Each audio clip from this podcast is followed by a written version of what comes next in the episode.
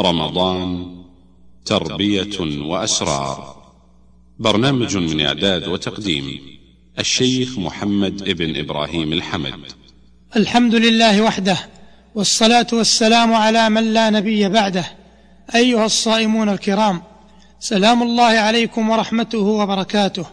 أما بعد فقد مر بنا في الحلقة الماضية حديث عن صلة الرحم وفضلها وعن قطيعة الرحم وضررها والأسباب الحاملة عليها.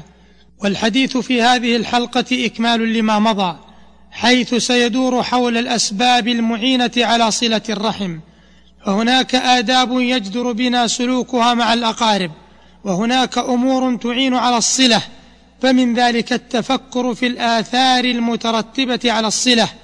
فإن معرفة ثمرات الأشياء واستحضار حسن عواقبها من أكبر الدواعي إلى فعلها وتمثلها والسعي إليها وكذلك النظر في عواقب القطيعة وتأمل ما تجلبه من هم وغم وحسرة وندامة ونحو ذلك. فهذا مما يعين على اجتنابها والبعد عنها ومما يعين على الصلة الاستعانة بالله وسؤاله التوفيق والإعانة على صلة الأرحام. ومما يحسن سلوكه مع الأقارب مقابلة إساءتهم بالإحسان فهذا مما يبقي على الود ويحفظ ما بين الأقارب من العهد ويهون على الإنسان ما يلقاه من شراسة الأقارب.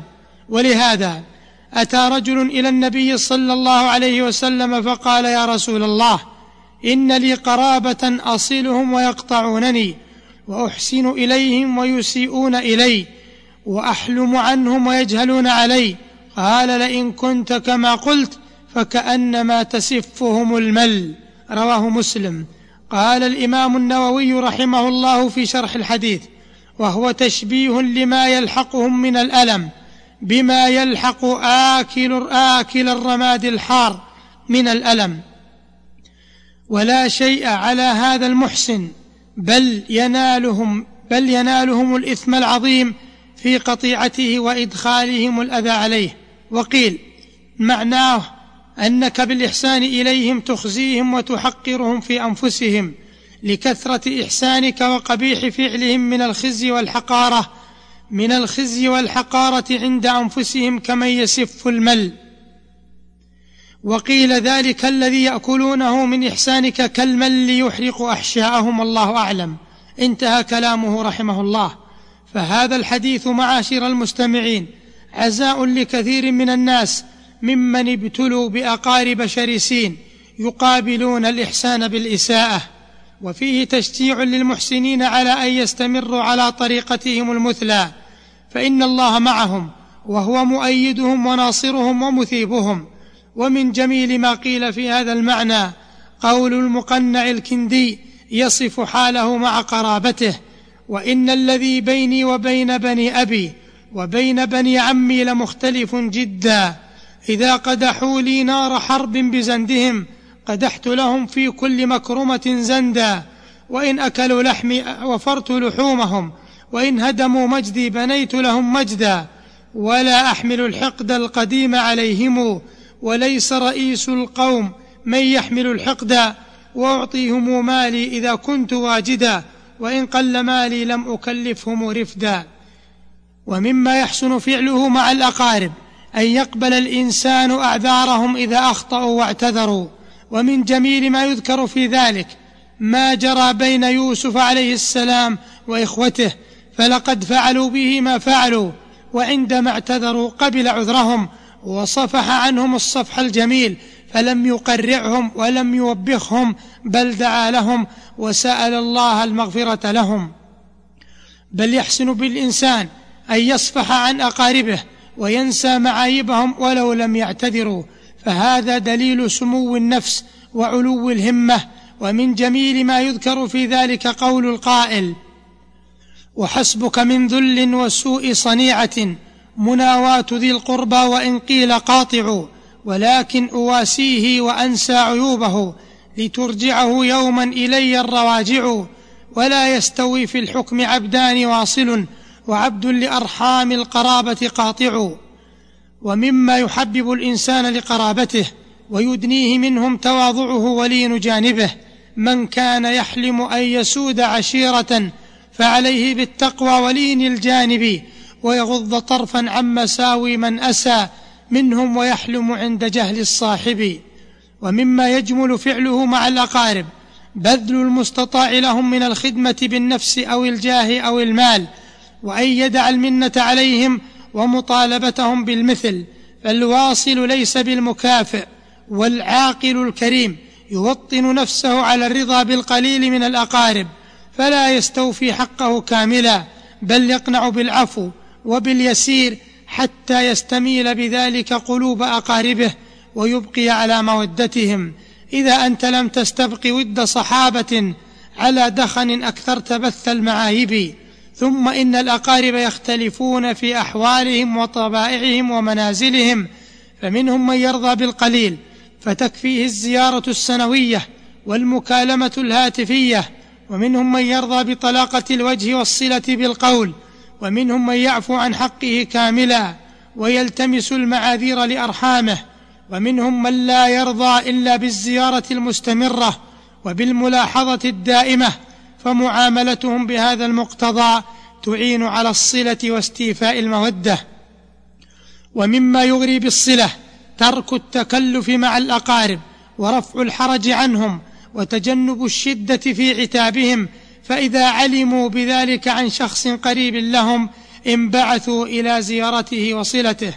ومن أجمل الآداب التي ينبغي سلوكها مع الأقارب تحمل عتابهم وحمله على أحسن المحامل.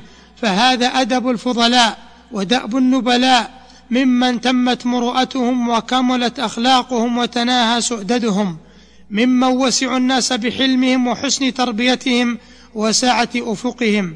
فإذا عاتبهم أحد من الأقارب وأغلظ عليهم لتقصيرهم في حقه لم يثربوا عليه ولم يجاروا يجاروه في عتابه بل يتلطفون معه ويحملون عتابه على المحمل الحسن فيرون أن هذا المعاتب محب لهم حريص على مجيئهم ويشعرونه بذلك ويشكرونه ويعتذرون إليه حتى تخف حدته وتهدأ ثورته فبعض الناس يقدر يقدر ويحب ولكنه لا يستطيع التعبير عن ذلك إلا بكثرة بكثرة اللوم والعتاب.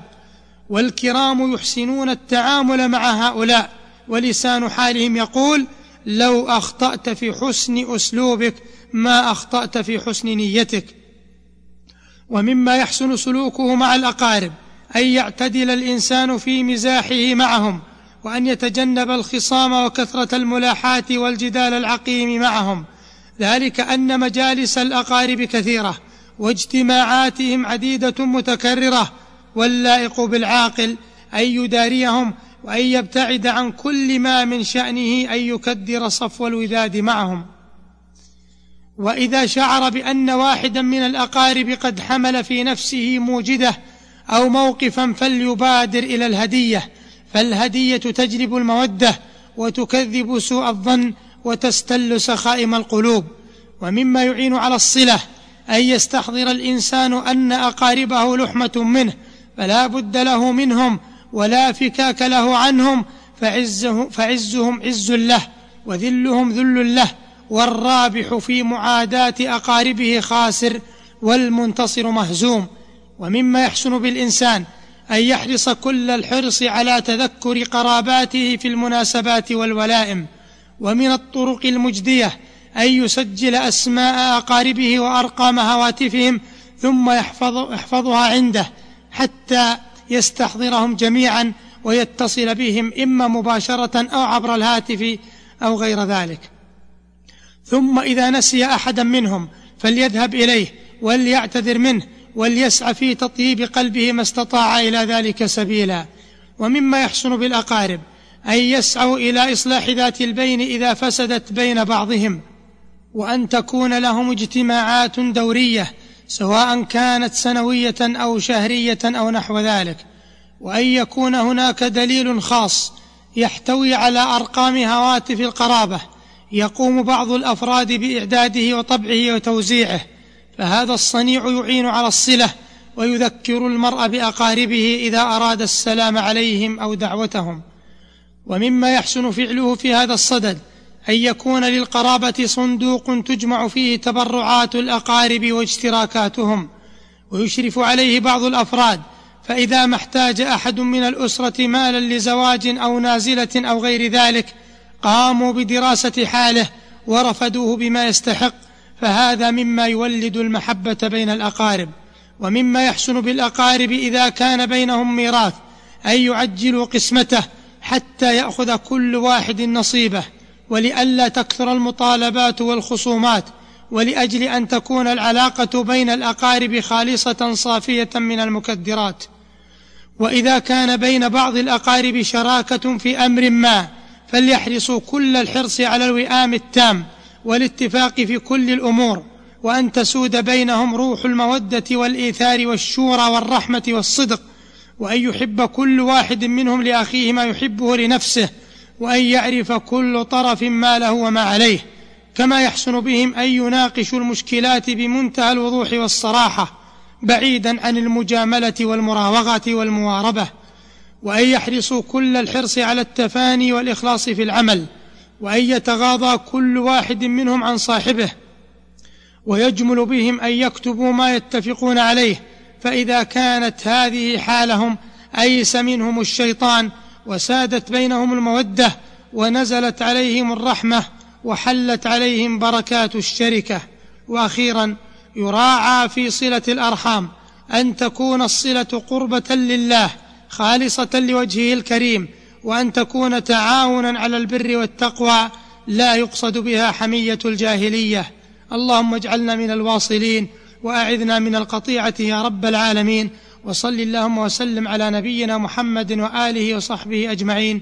والسلام عليكم ورحمة الله وبركاته. تم تنزيل هذه المادة من موقع نداء الإسلام www.islam-call.com